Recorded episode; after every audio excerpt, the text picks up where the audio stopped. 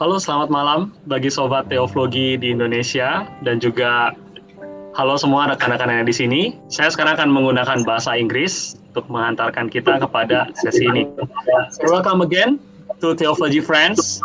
This video is the 181st of our channel.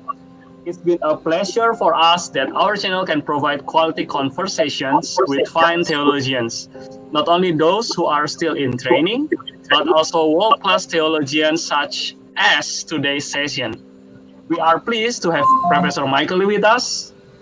Hello, Professor Michael Lee. Hello. so, Mike, Michael Edward Lee, PhD, is Professor of Theology with affiliation in Fordham's Latin American and Latino Studies Institute. Born in Miami, Florida, of Puerto Rican parents, he holds graduate degrees from the University of Chicago and the University of Notre Dame. At Notre Dame, Dr. Lee studied with the renowned Gustavo Gutierrez, who are known to many people as the father of Latin liberation theology. Dr. Lee joined the Fordham faculty in 2004. He teaches courses in Roman Catholic theology, liberation theologies, Latin American and Latin theologies, Christology, and spirituality. Dr. Lee research center on how Christian reflection intersects with movements for justice.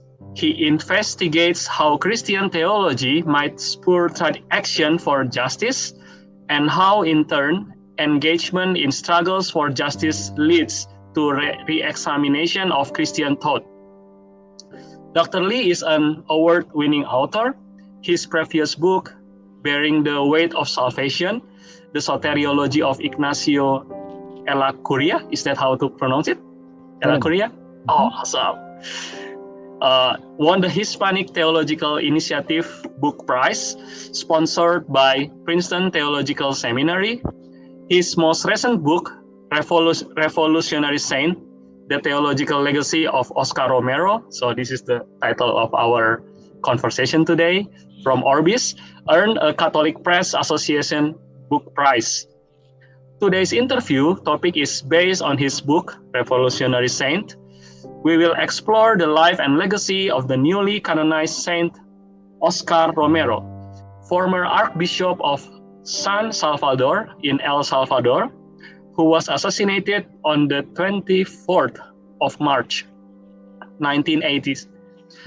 Beatified in May 2015 and canonized by Pope Francis on the 14th of October 2018. In this book, Dr. Lee investigates how Romero's theology overcomes the dualistic and fatalistic tendencies of colonial Catholicism and offers a vision of Christianity as the faithful and historical taking up of Jesus' mission, a preferential option for the poor. In this session, we can also broaden the questions to those such as liberation theology, spirituality, salvation, or Christology. Professor Lee, once again, welcome to our channel. and I will introduce you to others uh, moderators. So our guest moderators are not new to us. Timotheus Ferdino, a graduate student in theology at the Faculty of Theology, Duta Wacana Christian University, Yogyakarta, and Dandi Kuganda, student at Jakarta Theological Seminary, Jakarta. From our team, we have Perdian and Jessica and me also Nindio in New York. So let me now turn the platform to Professor Lee. Previously, your research focused on the Jesuit priest, philosopher, and university president Ignacio Ellacuría. So, what made you turn your attention to Saint Oscar Romero, Professor Lee? And this time is yours. Please. Thank you very much. And, and may I say it's a real honor to be here uh, my research has always taken me uh, out of the United States, mostly into Latin America. So it's nice to venture into Indonesia, even in this small way.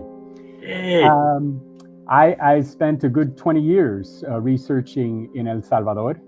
And, um, you know, having focused on the Jesuit priest Ignacio Ellacuría and uh, the rise of liberation theology in the country, it's, it's just impossible to escape the, the shadow that's cast by Monsignor Romero. He is just, uh, he's inescapable He's everywhere. In murals in the smallest villages, you'll see a painting of Monsignor Romero. Um, children, I, I, saw a group of youths playing basketball, and one had a huge tattoo of Monsignor Romero on his arm. So he's everywhere. Um, but I guess what, what prompted the book was an experience I had in the cathedral in San Salvador. To this very day, in the crypt, in the basement of the church, they have what's called the Romero Mass. And people come from all around the country, really, to honor the legacy of Oscar Romero. And I happened to be there. I took a group from the United States down. And on this particular Sunday, it was announced that the Pope and the Vatican in Rome had recognized Romero as a martyr. And perhaps later we can discuss a little bit more why that was such a controversial uh, and difficult uh, decision to arrive at. But it really marked the moment that everyone knew he would, in fact, be canonized, recognized as a saint by the church. So there was great celebration. There was international news about this moment. And yet, in the middle of all this celebration, I remember a, an elderly woman and I were speaking. And in a very kind of hushed voice, she said to me, no sé qué van a hacer con nuestro Monseñor. She said, I, I, I fear, I don't know what they're going to do with our Monseñor. And, and that was a real uh, fear because the legacy of someone like Romero is, was, and continues to be contested. Uh, what, what did that legacy mean? And so I could tell from this campesina, this, this rural woman, peasant woman, that she feared what would happen now that he's officially recognized. And especially that she used that phrase, nuestro, our Monseñor. So the, the motivation for the book came out of asking that question What is the legacy of this man, especially at this important moment? Not only because he's being recognized internationally in a new way, but also because that generation that knew him, that worked with him, that died alongside him, they are vanishing. And so um, it was important to capture in this important moment who this man was. A, a second motivation, though, comes from my own context. Uh, as you said in your very generous introduction, um, I grew up in the United States, but my parents are from Puerto Rico. And I, I lived in the city of Miami. And um, that city in the, in the southernmost corner of the United States really is a gateway to all of Latin America. So in Miami, where I grew up, I had many um, Cuban classmates, Nicaraguan classmates, Argentinian classmates, Uruguay, uh, you name it. Uh, Miami is this pan Latin American city. And during this time, uh, there were uh, several revolutionary movements going on, particularly in Central America. And so the United States foreign policy, in the context of the Cold War, was, was the burning political issue of my university days. Especially as it became clear that the United States was supporting ruthless dictatorships, horrible human rights records, but because it was in the name of anti communism. And so there grew in the church in the United States a resistance movement uh, calling for a change and pointing to the many Christians in Latin America who were resisting these dictatorships. And so for me, it was important also as a person in the United States to document this legacy because I knew how involved my own country was in the dynamic but also tragic story of Oscar Romero and El Salvador. And so I, I chose the title of the book, Revolutionary Saint, for two reasons. Uh, the, first one is obvious. He became Archbishop of San Salvador in 1977. He was Archbishop for three years. And after his murder on March 24th of 1980, uh, that really marks the beginning of the Salvadoran Civil War that would last 12 years and meant the deaths of uh, 80,000 plus Salvadorans in this tiny country. And so, in that revolutionary context, uh, Romero has uh, an amazing witness. The second meaning of revolutionary, of course, has to do with the Catholic Church, of which he was the foremost leader in his country. And that is, at the end of the 20th century, particularly after the Second Vatican Council, Roman Catholicism was going through profound changes. Some would even describe them as revolutionary changes. And I think Romero is uh, an exemplar of the kind of faith that emerges in out of this revolutionary context and his close connection with the movement that is now dubbed liberation theology I, I think he's he's a paradigm. I think he's a model. Now, it, it's not without difficulties. You know, there were there's there's many reasons why I should not write a book on Monsignor Romero. I mean, the last thing uh, some people would say we need is another book on a male, a privileged cleric. Um, and, and, I understand that.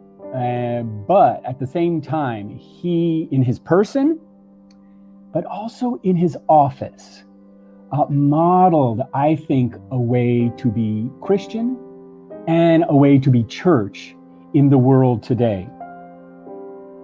And so, uh, as I went about the book, I really thought about it in terms of spirituality. That this man, who is not a professional theologian, he never wrote a book, never published an article, and yet um, in his weekly sermons, his homilies, in the pastoral letters he would write, there is a profound theology, but tied to a way of life, a way of being Christian, being a follower of Christ, that I think is a is one of the great spiritual witnesses of our time. And so, um, and so that was really the goal behind this work. And what I what I discovered was, or what I tried to communicate was that we live in a profoundly different time, profoundly different time than our parents and certainly our grandparents, and perhaps every generation can say that. And yet, I think there are some uh, real reasons why this moment in particular calls for a new kind of Christianity, or at least a Christianity that can address the larger questions of our time. That is, as we look and um, and with those movements that we would call post-colonial movements after the Second World War, the former colonies realizing that many of the evils of our time, and as my own country wrestles with the legacy of racism and slavery, as the Latin America that I know well has uh, still the colonial legacy of the European conquistadores who came uh, and brought Christianity with them, that that context still needs to be addressing. And so Romero, to me, is a model for a faith that can understand that. And so I, I, I chose uh, themes from spirituality because he himself invoked these themes, but in this in this new way, in, in, in, in realizing the deep kind of structural ways that sin operates in our world. In his church and in his own faith formation, he was very well versed in identifying sin personally. Very, in fact, he was very scrupulous about his own sinfulness, his diaries.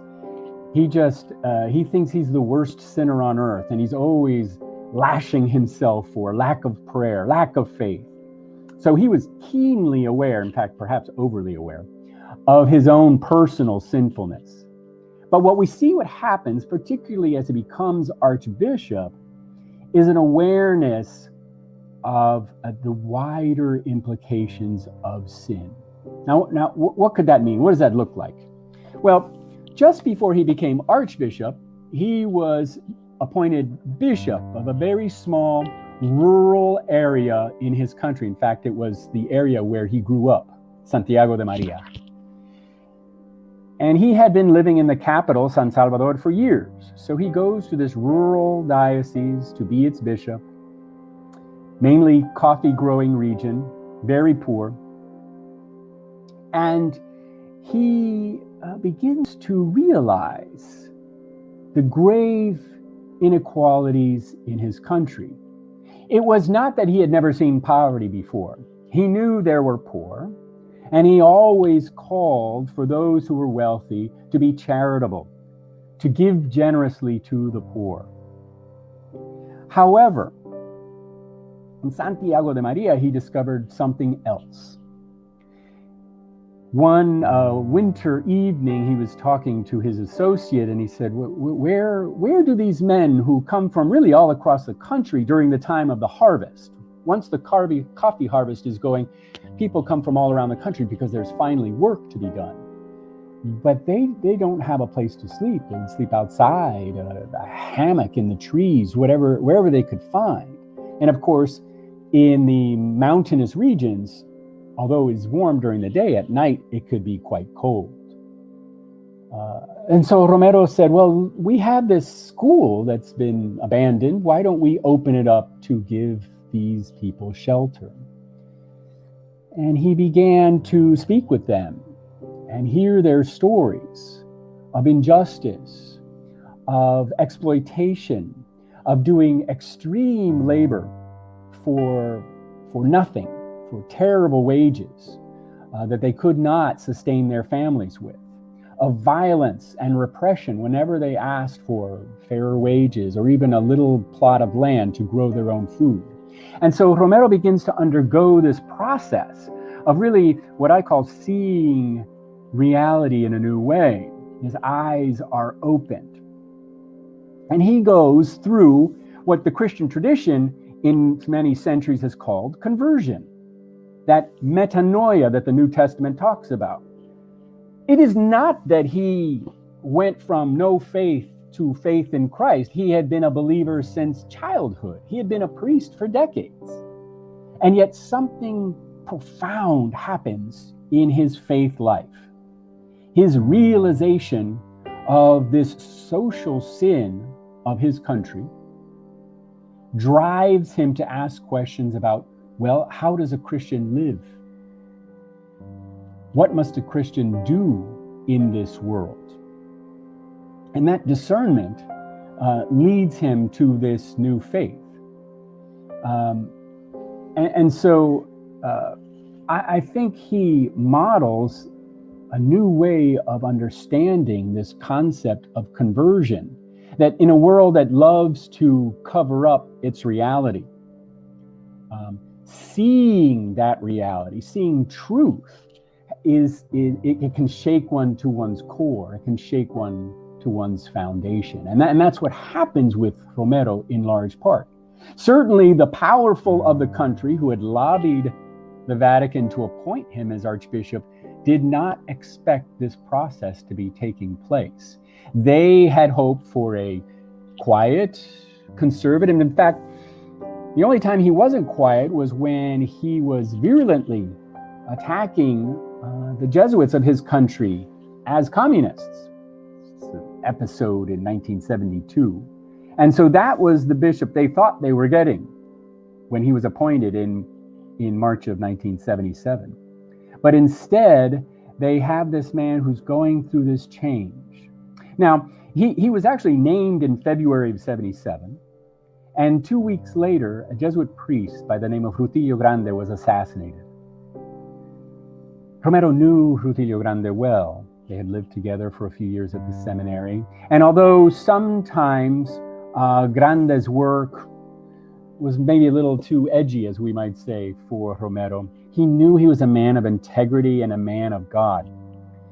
And so when he was assassinated, under the pretenses that he was a communist, Romero saw beyond that lie. And so he made two fateful decisions as he became the archbishop. The first was that he would not attend any political ceremony, any government ceremony until these murders, because Rutilio Grande was murdered as long, along with a 78 year old man and a 14 year old boy. The three of them were murdered as he was driving between the small towns of El Paisnal and Aguilares. So Romero said, and even though there was a presidential election that year and an inauguration in July, he said, I will not attend unless the murders are investigated properly. The second decision he made was to say that the funeral mass for these three victims would be the only mass in the whole country that week.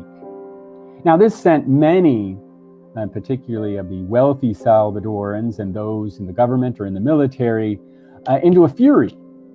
Why are you politicizing faith? They asked him. Why would you politicize something like the president's inauguration by not attending? It's a scandal. And Romero's response was, well, when was it not political for the archbishop to bless the new president? What he comes to realize is not uh, if the church is involved in politics. And remember, politics comes from polis, the, the life of the city. His question was not if, but how. Because the colonial legacy of Catholicism in El Salvador was one linked to power. As Philip Berryman points out, if you go to any Latin American city, you go to its main square and there are two buildings there. On the one hand is the government house, and on the other side is the church, huh? each pointing to each other, each legitimating each other. And so Romero comes to a realization that the church was caught in this politics. And it needed to have a new politics, one that was a direct that was directed by the fate of those who were poor, the fate of those who were its victims. And so what uh, the Latin American bishops in their famous meeting at Puebla called the preferential option for the poor begins to guide Monsignor Romero's ministry. And in his second pastoral letter, he really articulates what, to him, the mission of the church should be. He points out that for so long, Christianity, at least in Latin America, was dualistic. It looked to the heavens while ignoring reality on earth. There are complex reasons and a long history behind this dualism. But for Romero, the revolutionary changes that were going on with the church expressed themselves in a realization that as Jesus preached the kingdom of God, that kingdom of God was at hand. It began in the present. And so the duty of the Christian was to begin to transform the world and to make it look like that kingdom of God that Jesus preached, that will of God. And certainly it was not the will of God that so many would be poor, that so many would be dying, that so many would be repressed. And this is the journey that Romero undertakes. And so as he looks to the Gospels, he sees a, a few key moments in Jesus' ministry that he lines up with the mission of the church. Jesus, he says, called others to conversion. Jesus defended those who were poor. And Jesus underwent persecution even unto the cross. And he says these are things that perhaps today the church has to endure.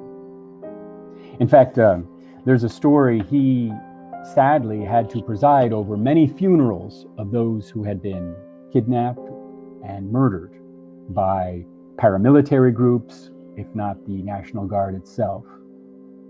And one day he was presiding over the funeral of one of his priests. And yet he started off his sermon in, in a shocking fashion. He said, It is with some joy that we gather today to commemorate the murder of a priest. And, and many were in the audience saying, What a joy! Has the Archbishop lost his mind? And he said, It is a joy to see that the church is now assuming the same fate as the people. We know now that the church is incarnating itself. Another powerful word from the Christian tradition, incarnation.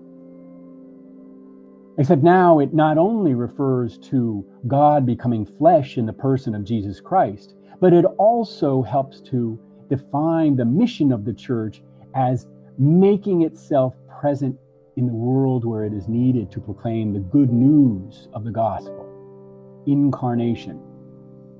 And so Romero's spirituality then has all of these turns where he invokes these so called traditional terms, but breathes new life, new depth into them as well. Not as a replacement, but again, as a deepening of what faith today looks like. He would speak about the power of idolatry. But what idolatry? The idolatry of national security, the idolatry of private property, the, ide- the idolatry of one's own political party. These were the idolatries that the Christian church needed to combat.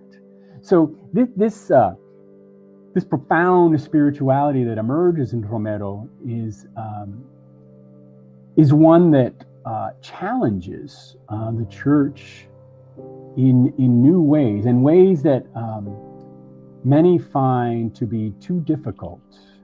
And in his own day, he faced great, great resistance, particularly within his own church. He had perhaps his greatest foes were his fellow bishops. Um, there were small Catholic or Christian groups who would take out ads in the national papers describing him as the devil or possessed or all sorts of um, gross, insulting things. And towards the end of his ministry, it became clear that his life was in danger.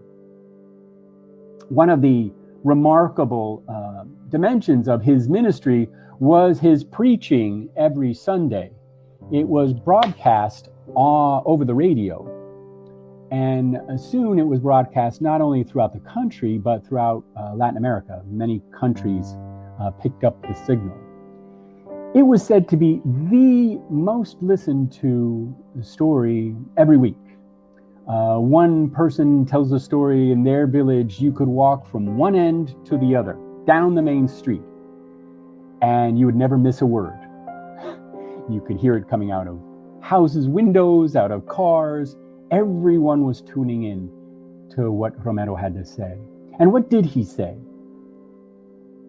again, he would do uh, what any presider would traditionally do that is, open up the scriptures, uh, the scripture readings of each week, and offer meaning.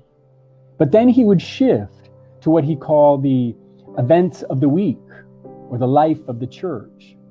And he would talk about any episodes of human rights abuses, uh, kidnappings, massacres, that people from around the country were contacting the archdiocese because it was the one organization, the one organism in the whole country that could speak this truth.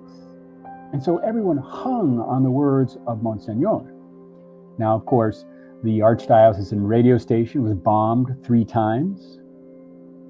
His own life was threatened. In fact, one time there was um, a cache, a, a sticks of dynamite found at the altar um, that should have detonated. For some reason, they did not go off, but that would have destroyed half of the building and certainly would have killed him. And yet, despite these ominous signs, Romero kept moving forward. He wasn't naive, and he wasn't, um, oh, he didn't have a, a complex about it. He was scared. Uh, in the retreat he makes a month before he's killed, he talks to his confessor about his fears, and he criticizes himself for being scared to die. Can you imagine? um, and yet he says, But whatever the Lord wills, I, I, will walk in that path. Uh, he used to be driven around by a friend of his Uh, but by December of 1979, he said he could no longer do that. He needed to drive himself for fear that if someone bombed the car, he didn't want anyone else to lose their life. There's a poignant story that Gustavo Gutierrez tells. Uh, Gutierrez is a Peruvian priest, and he would often travel through Central America on his way north from Peru. And he got to know Monsignor. They weren't the closest of friends, but they had a good relationship. And one time they were having a, a conversation on the phone. And in Spanish, when you say goodbye, one way is to say, um, cuídate, take care, take care of yourself. And so the conversation was winding down, and Gutierrez says to him, Monsignor, cuídate. And there was a long pause, silence. And finally, Romero responded, Well, Gustavo, you know, if I were to take care of myself, I would actually have to leave my country. But I can't. I have to stay here with my people. Ten days later, he was assassinated. It was the last conversation that the two of them ever had. And so, one of the last themes from Christian spirituality that I explore through Romero is the notion of martyrdom. And the, the question of Romero's martyrdom is a complicated one, and I, I can address more about it later. But, but the basics is to say that, uh, that for so long in my own Catholic tradition, a martyr was recognized out of what we call odium fidei, one who dies for hatred of the faith. And many, many claim that Romero should be, not be recognized as a martyr because he died for political reasons and not his faith. It's also the very vexing question of what happens when Christians are killed in precisely by other Christians that we see so much in the 20th and 21st centuries. And so uh, I know for one, Jon Sobrino, the great living Salvadoran theologian, has talked about an odium amoris, the hatred of love. That in fact, the political positions that Romero took came out of the commitment of his faith that the two cannot be distinguished in that way. He died out of hatred for a faith that, that drove him to advocate for the poor, that drove him to proclaim the reality of the human rights abuses in his country. And that, in fact, the example that he has for us is that's precisely the work of Christians. He was a profound man of prayer, loved to celebrate the Eucharist, was constantly uh, taking time for prayer and for retreats. But at the same time, he adds to the vocabulary and to the, the, the actions that make up Christian discipleship to include things like defending human rights, um, documenting uh, uh, massacres. That was the work of the church. And so um, I hope I'm not going on too long in this section because I do want to discuss and hear your questions. But I just found that there's such a profound spirituality for today that's discovered in this remarkable man, and uh, and I think continues to offer fruit, especially uh, throughout the globe. Because when the church makes him a saint, he is a saint. He's everyone's saint. For many years, it was said, ah, he's already saint in El Salvador, and that and that's true. And yet, I think he's also the world's saint, and he has a particular contribution to make to global Christianity. So thank you for this time.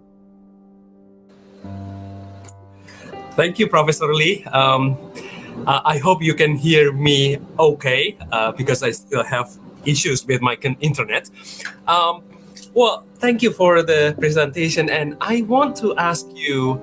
Uh, you, you, you, touched on uh, the way that uh, Monsignor Romero changed his mind, changed his way of life uh, from uh, much more conservative and traditional in his leaning toward theology and toward church practices to more liberative, liberating uh, in his later life. Uh, how did he? Uh, oh, so, what my, my question was uh, did he come across some liberation theology readings uh, other than uh, uh, living with uh, the poor and the marginalized, or uh, his approach to conversion or, or his conversion was because of his direct mm. encounter with yeah, the well, poor. I, I think um, it, it's it is his conversion does not come from reading. Let's be clear about that. It's not from reading. However, um, you know the the uh, Brazilian liberation theologians uh, Leonardo and Clodovis Boff um, in their introduction to liberation theology, they talk about it at three levels: the professional, um, the pastoral, and the popular levels. And so I would say that uh, Romero imbibes liberation theology, particularly at the pastoral and popular levels. And it's especially in those three years when he's bishop in Santiago de Maria that he sees not just um, the poverty, the structural injustice. I mean, there was a, a massacre in a village in, in his diocese in which six campesinos were murdered by a unit of the National Guard. So he, he saw this horrific violence up and center, but he also saw these Christian based communities that were discovering through their readings of the scripture and relating it to their own experiences the liberating force of the gospel. This was the legacy of um, the teachings of the Latin American bishops at Medellin and the pastoral initiatives that were going on. I had mentioned Rutilio Grande, and there, there are others who were involved in this pastoral work and these poor communities who were really uh, generating a liberationist theology that I think profoundly moved uh, Romero. He once attended a training session of leaders for these communities and he was a bit suspicious of what was going on. He had heard rumors of communist indoctrination, etc. And he listened in on this session where the group was discussing a passage uh, from the Gospels. And he was so moved uh, that by the end he talked to the leader and said, uh, We have much to learn.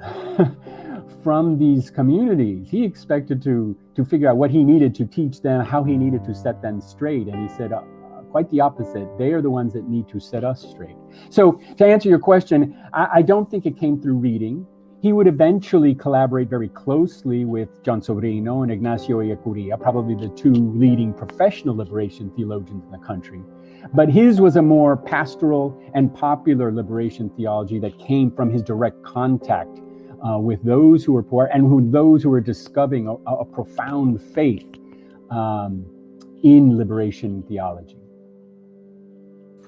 Thank you. Mm-hmm. So we will open up for Q and A uh, from colleagues here. Uh, I think we can broaden also the questions not only uh, related to Monsignor Romero because uh, Professor Lee is the student, the former student of Gustavo Gutierrez, who all we know as the father of Latin liberation theology. So why don't we uh, ask anything about spirituality of liberation or um, anything?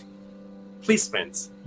Yeah. Uh, thank you, Professor Lee, for your presentations. It's it's so fascinating, and uh, yeah, uh, I have two questions here. Uh, the first is relating with what you several times said about uh, the history of colonization and how it affects um, the political reality now.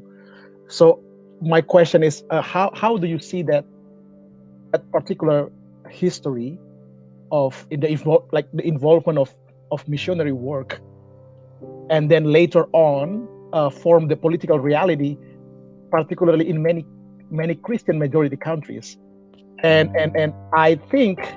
Uh, I don't know, but I think you also want to say that uh, the church at some point could be also still involved to perpetuate the injustice, right? I mean, even until now. So I'm wondering also, what about the church, like for example, in uh, in El Salvador itself? So um, I'm wondering whether uh, Oscar Romero may be fighting by himself, or is he supported by the church structure, or by the church system to fight injustice, or maybe the church may be being split uh, between two sides, right? So that's my first question. And my second question, it's also relating with my first question. How how then because you touched several times about this, how how do you see then the, the relation between Christianity and politics? because like for example uh, uh, previously my education is at uh, mennonite seminary and you you know like like Nindyo you know uh, uh, uh, for mennonites it's just like um, stark separation between between politics and government and in the church state and church there should be no relation at all between state and church so what is your suggestion because i think this is also our problem in indonesia hmm. even since our independence in 1945. I mean, if I can say something critical here, I think most of the churches, I, I, I'm not saying all of the churches, but most of the churches in Indonesia still like very close attached to the government. And, and, and sometimes, and, and maybe even more, more often, supporting the, the government policy, even though those policies really uh, oppressive to the people on the margin. Thank you, Prof. Lee. Oh, thank you. Thank you for two excellent questions. Um, to, to address the first one, um, you certainly saw within Romero's lifetime a church that was split, um, deeply split. Um, he did not uh, receive support. In fact, he was deeply criticized, as I said earlier, by his fellow bishops, except one. In fact, it's shocking the archbishop is murdered, and at his funeral, only one of all of the bishops even attend. So th- this is this paints the picture of division. You're right. You're right. And um, and the same thing happened in his visits to Rome. You know, uh, he was canonized. Romero was canonized as saint on the same day as Pope Paul VI, with whom he had uh, a great affection in fact, if you go to San Salvador today and go to Romero's room, they preserved it as as it was when he was alive, and there's a little picture of Pope Paul VI on his nightstand. Right. Um, the case was very different with Pope John Paul II, um, and so yes, it was it was a church that was divided, and I think still is today, because that uh, and getting back to the broader issue of this colonial legacy of Christianity, and and here specifically Catholicism, but but I'm sure it can be applied in different contexts. Is that um, well, it's it, it's of, of, two fashions really. Um, on the one hand, for instance, in El Salvador, you had someone like um, Bishop Alvarez, who held the rank of colonel in the military. Oh wow! Uh, so he was vehemently anti-communist and was opposed to any of the liberation movements mm-hmm. in uh, in the church. In fact, when one of his priests was kidnapped and tortured, oh he said, "Well, you know, he was tortured as a man, not as a priest." Oh my goodness! Which uh, I, I don't even understand the depths of that kind of separation. But you see how how divided. Right. And in fact, a, a Salvadoran, a, a good friend of mine in El Salvador today, he always tells uh, visitors, Romero is the most loved and most hated man in El Salvador. So, so it still speaks to divisions. Even until now, bro. Even until now, even wow. today. Um, and so, um, and that has to do with power. Uh, um, because while there were some who were uh, extreme, like like this bishop that I mentioned, Alvarez, who really, um, you know, publicly supported the military keeping order, which we know meant massacres and torture and so on. There's that other side of the church uh, that also took advantage of its power, but did so kind of in an unknowing way. So that when we talk about privilege, the privilege of a being um, and enjoying the benefits without realizing the costs and what it means for others. So there's that silent portion of the church that, oh, you can, might even be concerned about things, but really does nothing, but would would be very, let me put it this way, be comfortable with the status quo. Mm-hmm. And so that, that colonial legacy, by and large, is that being established with the status quo, and so protecting it, even if it means actions that are contrary to the gospel. Um, and, and many times it's not even being aware that it is. This is the evil, especially in our own time, how untruth, how the internet, for all of its beauty, that we can have a global conversation like this, can also be the source of hiding, of untruth, of masking uh, realities as well. So um, that that you know kind of transitions to the second part of your question and this very thorny, difficult issue of politics and faith. I guess I would use the formula that Romero often invoked, and he says the church, the Christians must be political in that organic sense of the term, the polis. It is the life of the city, the life of the people. And, and, and Christians cannot uh, live a faith that is merely looking heavenward and ignores the profound realities on earth. So it must be political, but not partisan. Mm. Hmm. So what does that mean?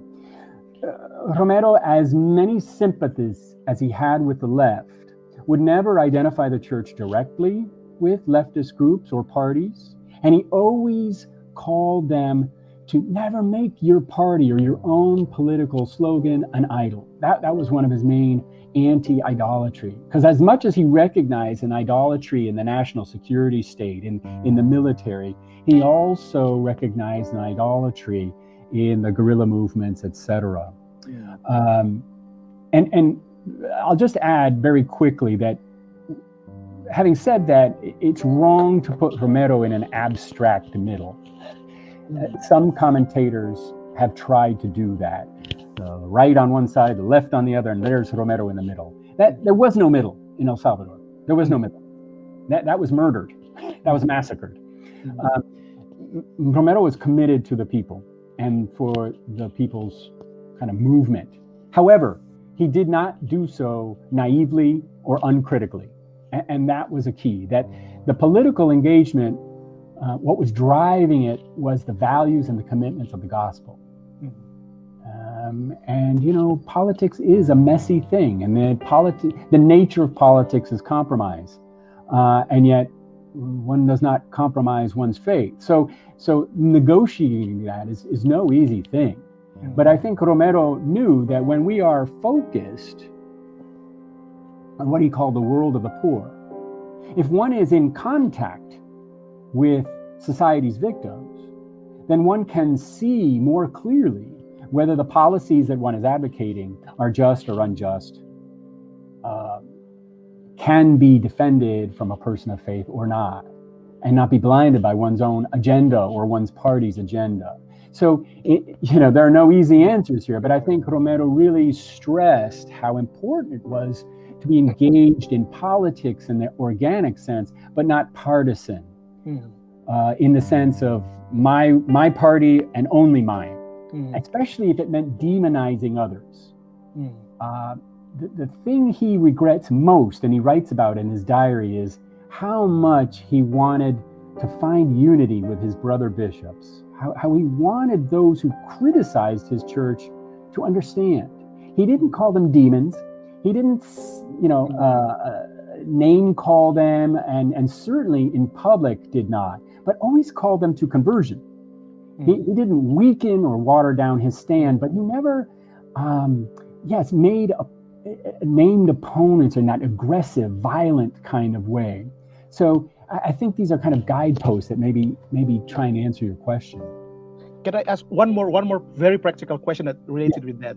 So, mm-hmm. uh, I mean, most of the time, uh, people, particularly in this democracy democracy time democracy time, always see that uh, changing will comes by election, right? Mm-hmm. Changing will comes by voting, and then that's why I think even in Indonesia too, um, when voting season come and then even the churches, the pastors, um, try to encourage uh, uh, their their people, their pulpits, uh, to go to to vote. And then I don't know, but like now, what is happening now in the country, in this country, in the U.S. I mean, people just split apart, right, between right and left. So, what do you think will Romero suggest for us today if he lives now in this era, in this time? Mm-hmm. Sorry, Professor Lee, can I add to Perdian's question? Please. So, of course, uh, in terms of like uh, like populism like that, uh, which Perdian has uh, raised up, I want to ask: uh, Did uh, the one who opposed Romero use uh, labels such as Marxist or communist to Romero? Yeah, to add in that question, I just curious about that. Thank you very much. Yes, thank you. Yes, very much so. Uh, he was uh, labeled a, Marxist, a communist. Um, one uh, bishop claimed that he was brainwashed by Jesuits. They mm. trapped him one weekend and brainwashed him. I mean, it, it, it was really by Jesuits. Yeah. Okay. yes. Wow. okay, um, Nindyo, Nindyo, you're Marxist. but um, you know, the presidential elections in El Salvador were fraudulent the previous two times uh, in 72 and in 77. Um, so Romero knew well the kind of cynicism that had set in. Most people did not trust the electoral elections, and mm. with good reason. I mean, the, the military had fraudulently stolen both of those elections. So there's a great deal of cynicism. Mm. Uh, at the same time, uh, Romero uh, believed in the political process. In October of 1979, there is a coup in the country uh, some civilians and some moderate elements in the military overthrow General Humberto Romero. And some of them, in fact, uh, the civilians, many of them were professors at the Jesuit University mm-hmm. um, and had asked Romero's advice. And Romero cautiously gave approval to this junta that had taken control. Because in his mind, the country was just heading towards civil war. Mm. And this seemed to be one of the last hopes. Mm. Uh, revolutionary groups, of course, saw it as a way to delegitimize the revolution, to pacify with a stand in that wasn't going to really make a difference. Um, and so they criticized Romero very heavily. Mm. Um, and unfortunately, the hard right military elements eventually overcame and, and you saw even more violent repression than you had ever seen before so much so that all of the civilians resigned uh, by the end of that year by the beginning of, of 1980 and that's when you really hmm. see the, the dawning of the civil war. So what to do in this situation? I, I think romero uh, constantly called even those in the revolutionary groups. And, and let me say this some have tried to portray Romero as an absolute pacifist, mm. aligning him with figures like Mohandas Gandhi mm. or Martin Luther King. Mm. Uh, he was not. Hmm. He was not a pacifist. When he spoke of violence in his third pastoral letter, he laid out what in the Catholic Church is traditionally called as the just war tradition. Mm-hmm. And he uh, talked even about the possibility of using uh, violence of the morality of insurrectional violence, which uh, was rather alarming to those in power, by the way. Right. he was not a, an advocate for a, a violent uprising if, if, it could be avoided at all, but he did not want to delegitimize mm-hmm. those groups that uh, some of whom were, were, were as a last resort trying to defend human lives, which had become very expendable in the country at the time. So um, I don't know if it gives an answer to your question, but I think he uh, would constantly, again, look to those who are suffering the most and would say, organize those efforts to address those situations as much as one can.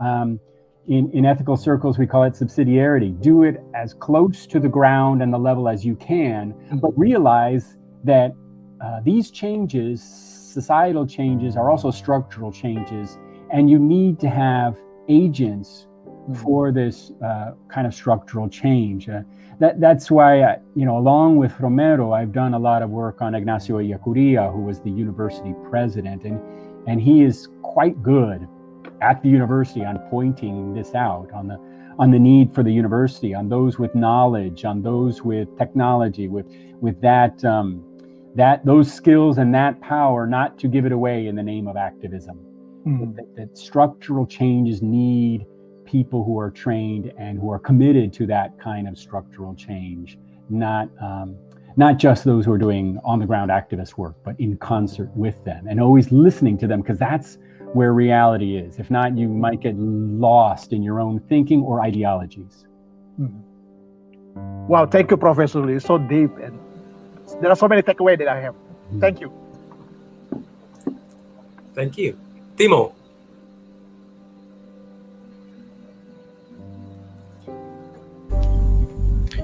Yes, uh, thank you very much for your insightful presentation, Professor uh, Michael Lee. Uh, I want to highlight uh, uh, your your uh, notion about about Saint Oscar Romero that his spirituality is incarnational. I mean, like even even then, if I heard the story about his martyrdom, his martyrdom is is so incarnational.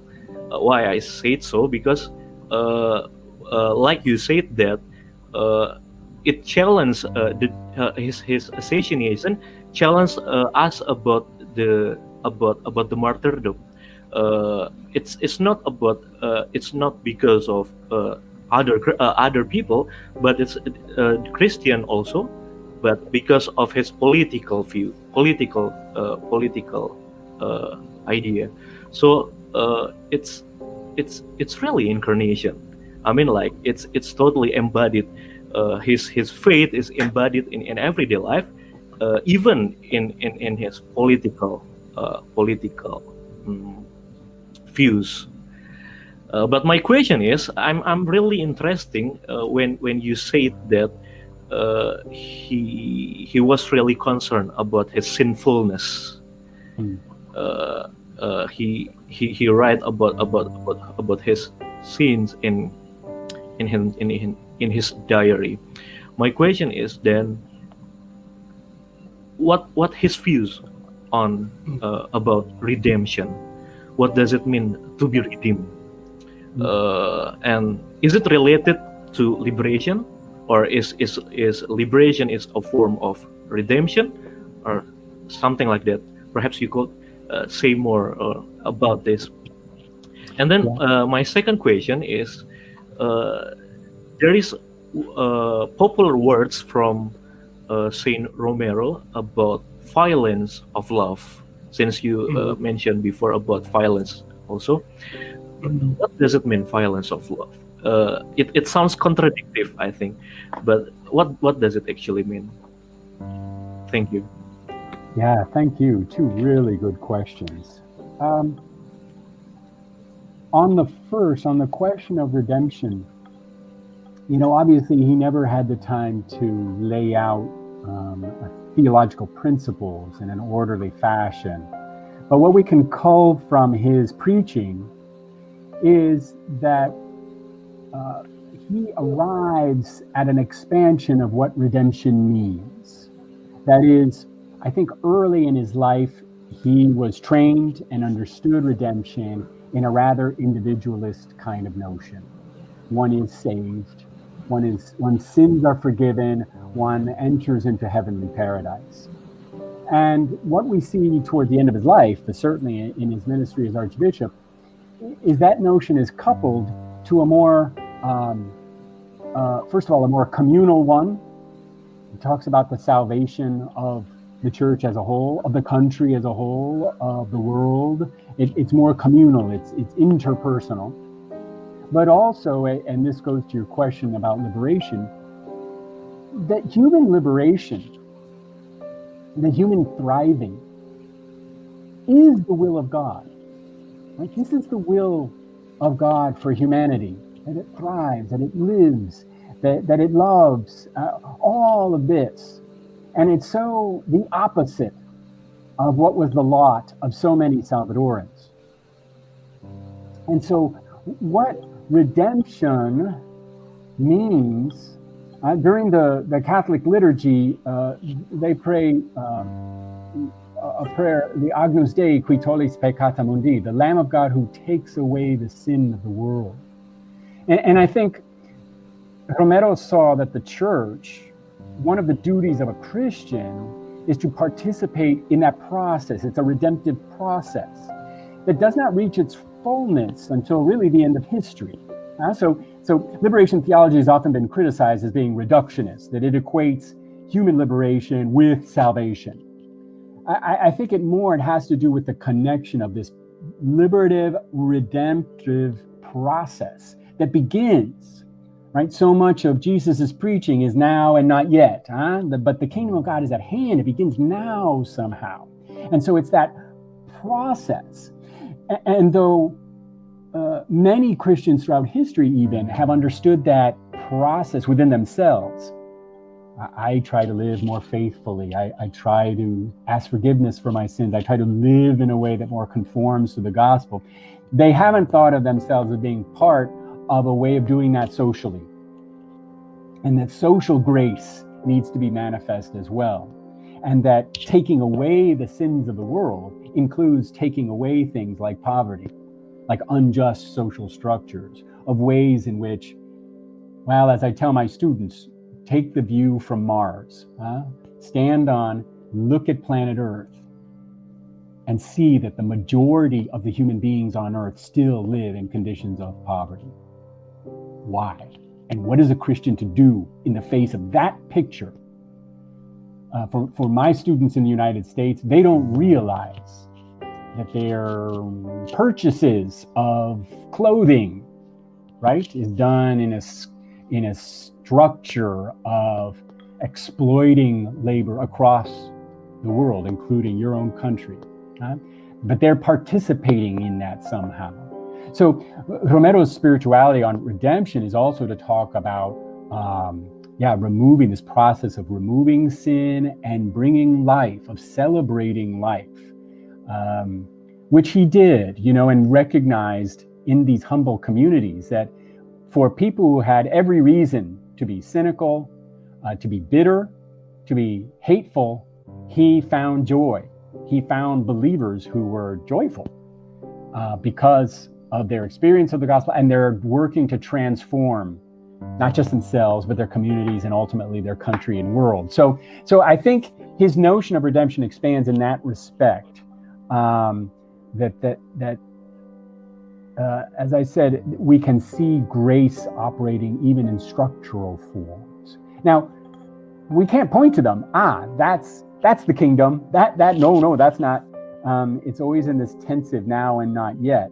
But but I think to ignore that, um, to look away from it, um, is is one of the sins that he saw in his own country and worked to address. So that when you confront that, you begin to understand what he means by the violence of love. Um, when Christ says, I come to not to bring peace, but a sword. Um, revealing injustice, revealing especially deep structural problems, brings persecution. It brings conflict. And Romero personally experienced that. His church experienced that. And yet, in response to that, he talked about the violence of love.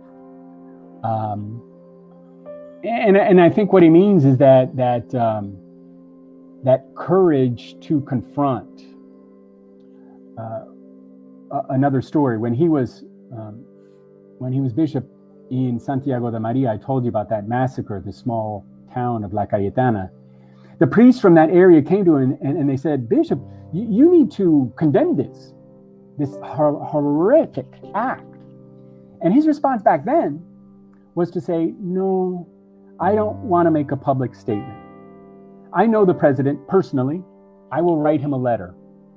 I, I don't want to cause scandal. Hmm?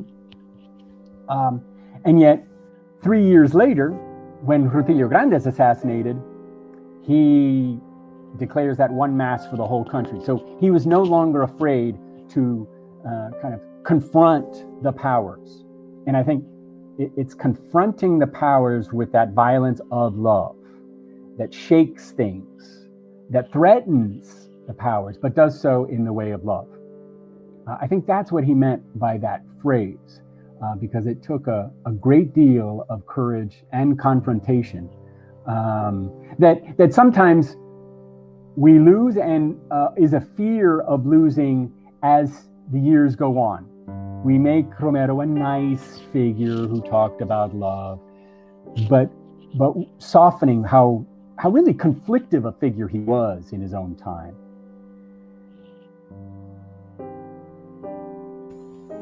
Thank you. Thank you, Professor. Mm-hmm. Maybe Dandi or Jessica?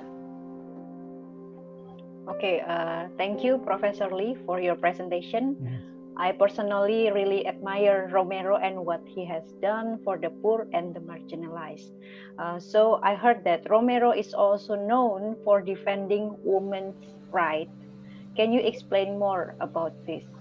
And my second question is uh, I heard that Romero is also against abortion. Uh, he said that the morality of life begins in the womb of a woman. What is the reason related to the context at the time? Thank you, Professor.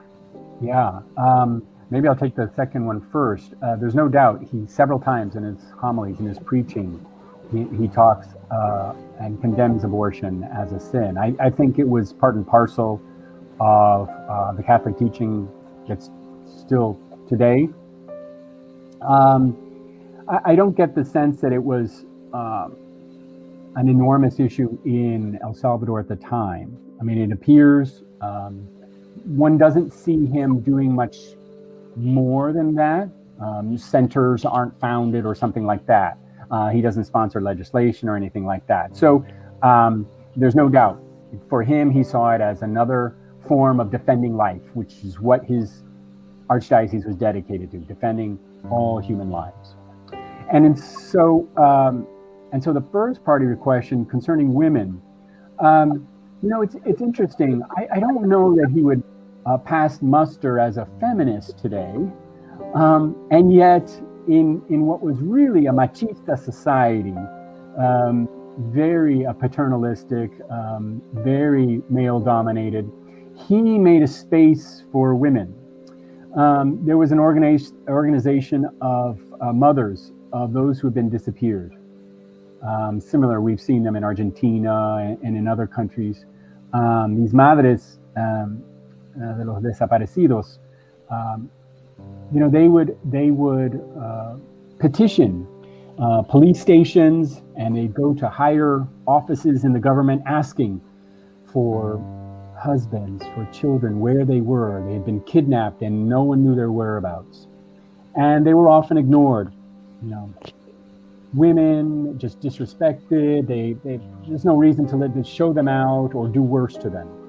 But Romero recognized um, their organization, Comadres, and for the archdiocese and for the archbishop to legitimize, to recognize this group of women was really uh, a profound uh, kind of statement. Um, no one to these women that no one was listening to. So he gave them an authority uh, by legitimizing them, by lifting them up and, and speaking about their petitions in his own homilies that were broadcast over the radio.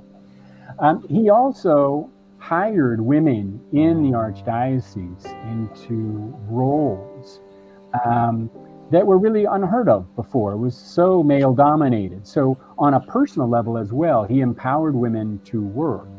Uh, Maria Julia Hernandez, who's one of the great, great women figures in this history, she became one of the um, in charge of the Human Rights uh, Defense Office. Um, you know, you, you would not have a woman like that if Romero had not opened the doors to give her an opportunity. So while I don't know that his teachings as such, um, you know, are particularly groundbreaking as regards to women, it was the practical things, the way he legitimized women's groups, the way he empowered women to have uh, positions of authority, etc., that really uh, speak to how um, how positively you know he viewed women, even for a man of his age in Latin America. And and you know you could then see in the history of the Salvadoran Civil War. I mean, the role of women is so crucial, and you see them as leaders, incredible leaders. So there's a whole Salvadoran story there too, just um, but thank you for those two. I hope those answered your questions. Yes, thank you, Professor.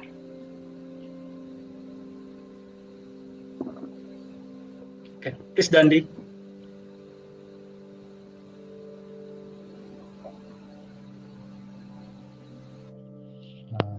Uh, your sound.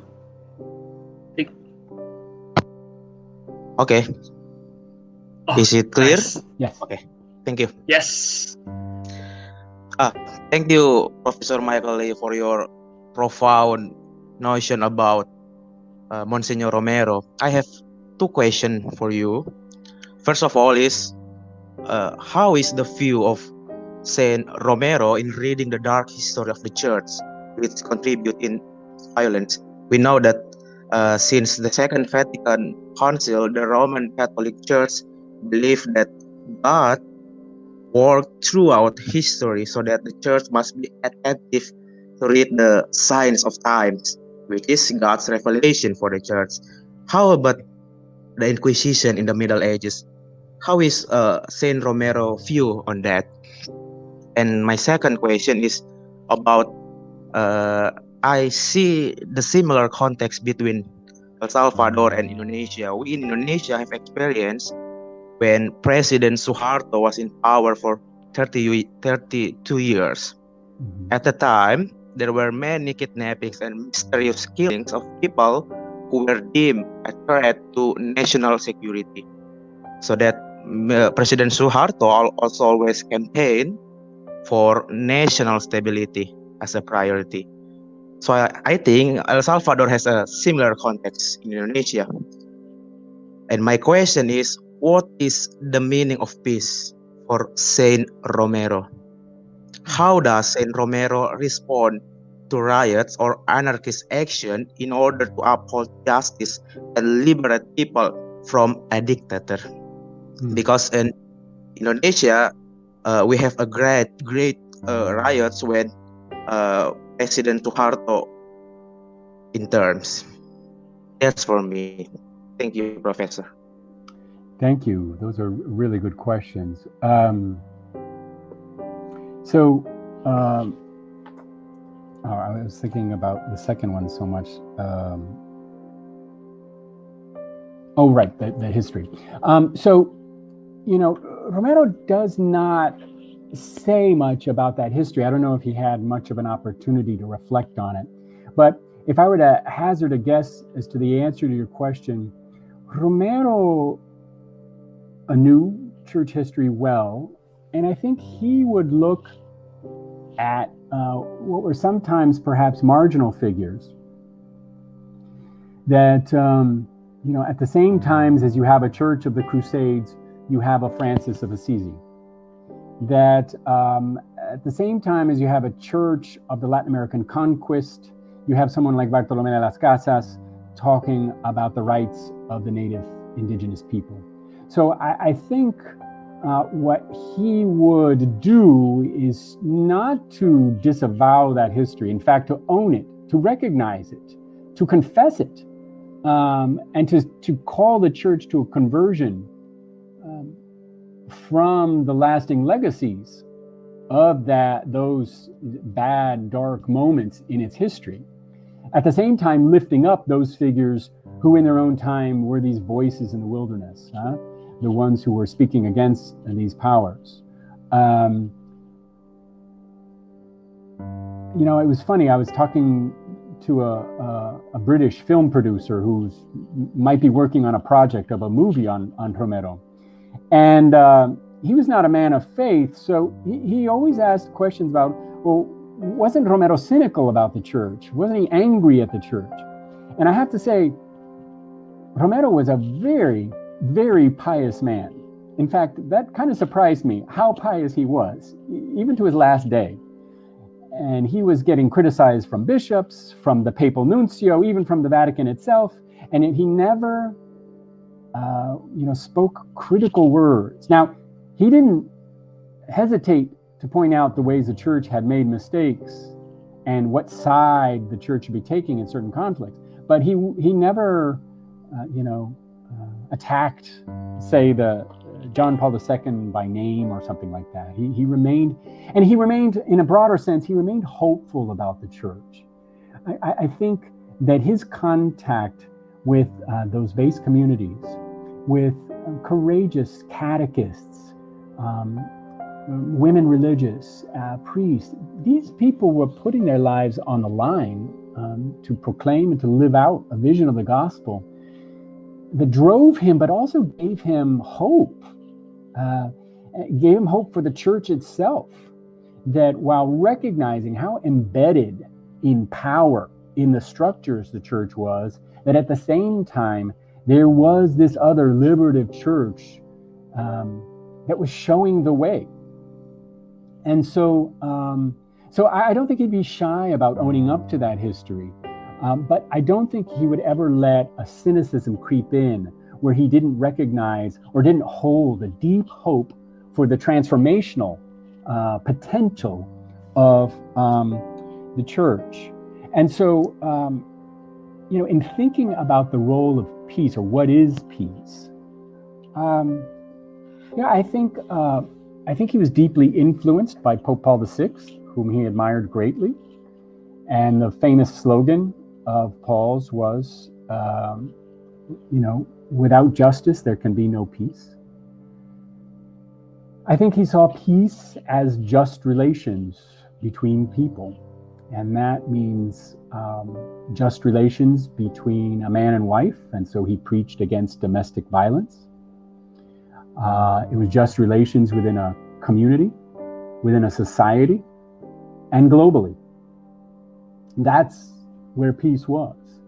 Um, and so, recognizing that peace, that peace is communion between people and between people and God, he was not disturbed as some others were by protests, etc. Um, there were some who said this disorder is, is not peaceful, therefore it can't be of the gospel. In fact, there were some revolutionary groups who began occupying the cathedral. So uh, Romero could not uh, celebrate the Eucharist because the, the cathedral building itself had been occupied. Um, but when one priest suggested that they cut off the water um, and electricity to the building so that they would have to surrender, Romero said, No, no. I, I don't care for their methods, but their cause is just. And so um, one time eh, there was an occupation, and apparently those who had occupied the cathedral left a mess inside. And um, Romero was he was infuriated, and so he he was able to communicate to the leaders that you know they need to respect the sanctuary for what it is. And so it's it's kind of amusing that uh, on a subsequent occupation, the leaders were yelling at their their compatriots to take care of the church. We don't want to get Monsignor Romero mad at us. Um, but he recognized their needs to make their voices heard. Um, he was not. He he he always um, asked that protests be peaceful, but he recognized the validity of the protests, and he also recognized that um, that uh, many of these protests were condemned as violent, where actually the violence was caused by military snipers or using violence, um, tear gas, etc., um, in ways that actually fomented violence. But I, I think, like many of the other great uh, leaders of our times, they recognized, like uh, Dr. King in my country does, that there's a first violence um, that is structural injustice, and that we need to see the roots of some reactionary violence as rooted in that. And, and, to just condemn the reaction is not to really get at the root of violence.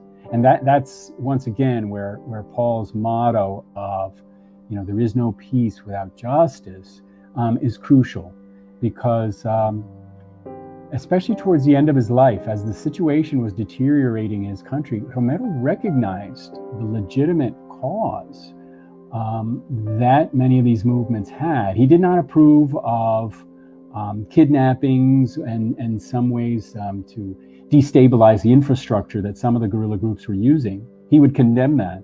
But at the same time, he recognized the legit- legitimacy of their cause. And even, as I said before, occasionally would speak of the the moral um, validity of violence in defending life. So um, it's a difficult question, but I, but I think he was very aware that some people invoke peace really to mean a, a status quo that, that is unjust, and he would not agree with that.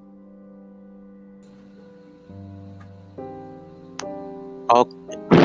Thank you, Professor Lee. Uh, in your response of my second question, I remember the words from our first president, President Sukarno, when uh, Mr. President said, "We love freedom, we love peace, but we love freedom more." Thank you, Professor.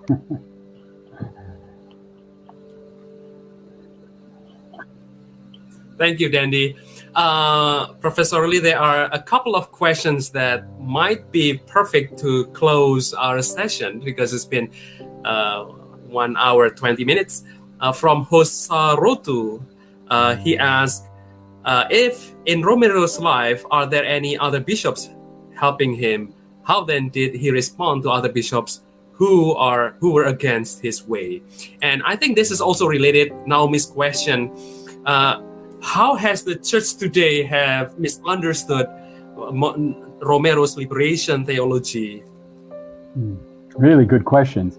I, I would say um, in El Salvador there was one other bishop, uh, um, Bishop Rivera y Damas, who uh, was a supporter of Romero's. They co-wrote a pastoral letter together. So he did have allies, and he had other allies that were Latin American bishops uh, many of the progressive bishops in Latin America. And, and in 1979, um, the Latin American bishops met in Puebla, Mexico, and Romero went and uh, was very warmly received. Um, so he had support in various uh, places. But at the same time, he had a lot of opposition, as I said. Every other bishop in El Salvador uh, was really opposed to him. Imagine, he wrote a pastoral letter and they wrote an alternative letter to criticize him. These are just really unheard of within uh, church circles at the time. Um, and, and as I said, he did not take uh, really to trying to um, discredit them, but he did constantly ask them, call them to conversion, ask them to recognize what was going on in the country, to recognize what was going on in the church, even. Um, but it was a source of real uh, despair. I think if there were one sadness that Romero carried with him, it was how much division there was even amongst his brother bishops. And so um, the, the, second question was um, in terms of being misunderstood, I, I, think, you know, there are kind of two different misunderstandings. Uh, on the one, it's those who have heard a kind of caricature of what liberation theology meant and have equated Romero as kind of a, a politician. Um, you know, it's funny, when writing the book, I was in contact with a lot of political scientists and historians and, you know, who have wrote, written very eloquently about the different agents in the Civil War, but don't quite understand the motivation of faith. And so one misunderstanding has been to merely to, to make Romero a political figure in, in that sense and to not recognize that his the entire motivation of his life and all of his political actions was in fact his faith. Um, it's wonderful that the United Nations has has made the death of his, the anniversary of his death as their Human Rights Day, but um, one does not want to let that overlook the fact that he was a man of faith and, and entirely motivated by that faith. The other misunderstanding I would say is um, those who would spiritualize Romero in such a way that they don't let him challenge them to uh, address the very same ills in their own contexts.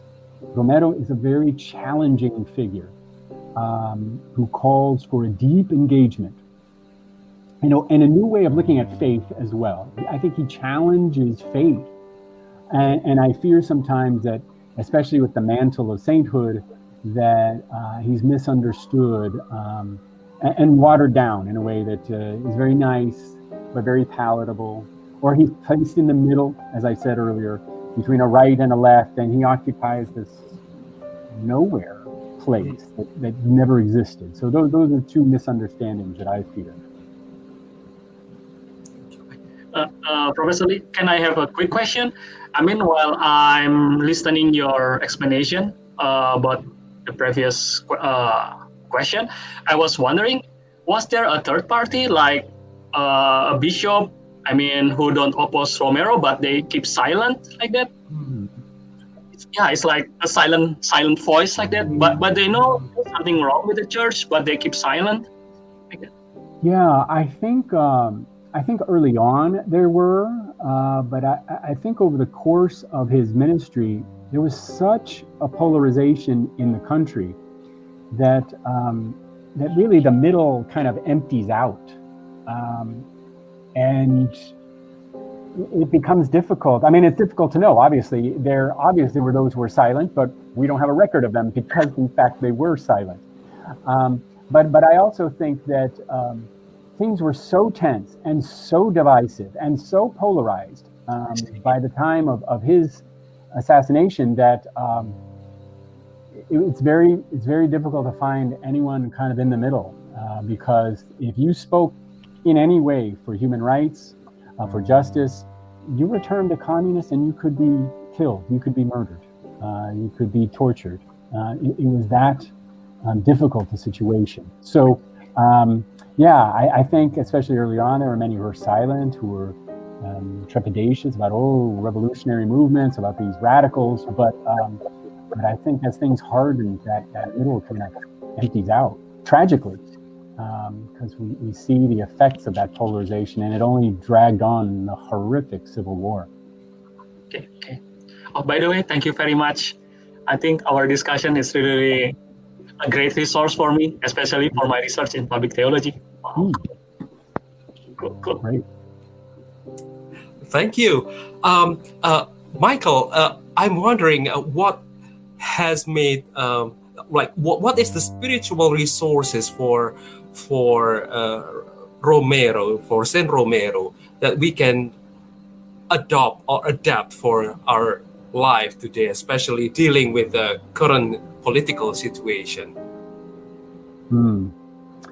Well, I think um, Romero was a man of profound prayer, and his prayer was um, often directed to discernment. And I think as we draw upon the riches of uh, contemplative prayer, for instance, in the Christian tradition, that seeking God uh, meant not just seeking God in, in the interior spaces, which he did. Uh, he was often found alone in prayer for hours. Uh, meetings would be taking place. Where's Monsignor? Where's Monsignor? Go find him. He was in prayer. Um, but it's combining that search for God interiorly with a search for God in the world to discern in the movements of his country and of his people uh, the movement of God, of the Spirit. And, and I think that's, uh, that takes a spiritual disposition. That takes as much work as we've seen in the mystics about silence and, and words and images. Um, it's that kind of training, right? There, there's often the language of spiritual exercises and of training.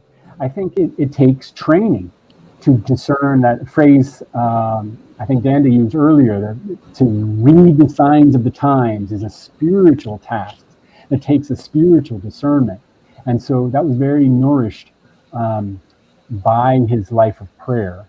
And, and the other sense was the communal nature of his faith. You know, he inherited a rather anti Protestant legacy Mm. And he gathered with pastors of other Christian denominations once, and he called them separated brethren. And one of them, a Methodist bishop, said, You know, Monsignor, can you just call us brothers and not separated? And he said, You know, you're right. And he never used that phrase again, one he had used his whole life. Uh, you truly are my brothers and sisters, he said. So I, I think he recognized um, how many divisions we still hold, even within the Christian church. And um, as profound a personal spirituality as he had, uh, it was always in a communal dimension. You know, if you read his diary, um, what he talks about more than anything else is making trips around the country, visiting communities and worshiping with them.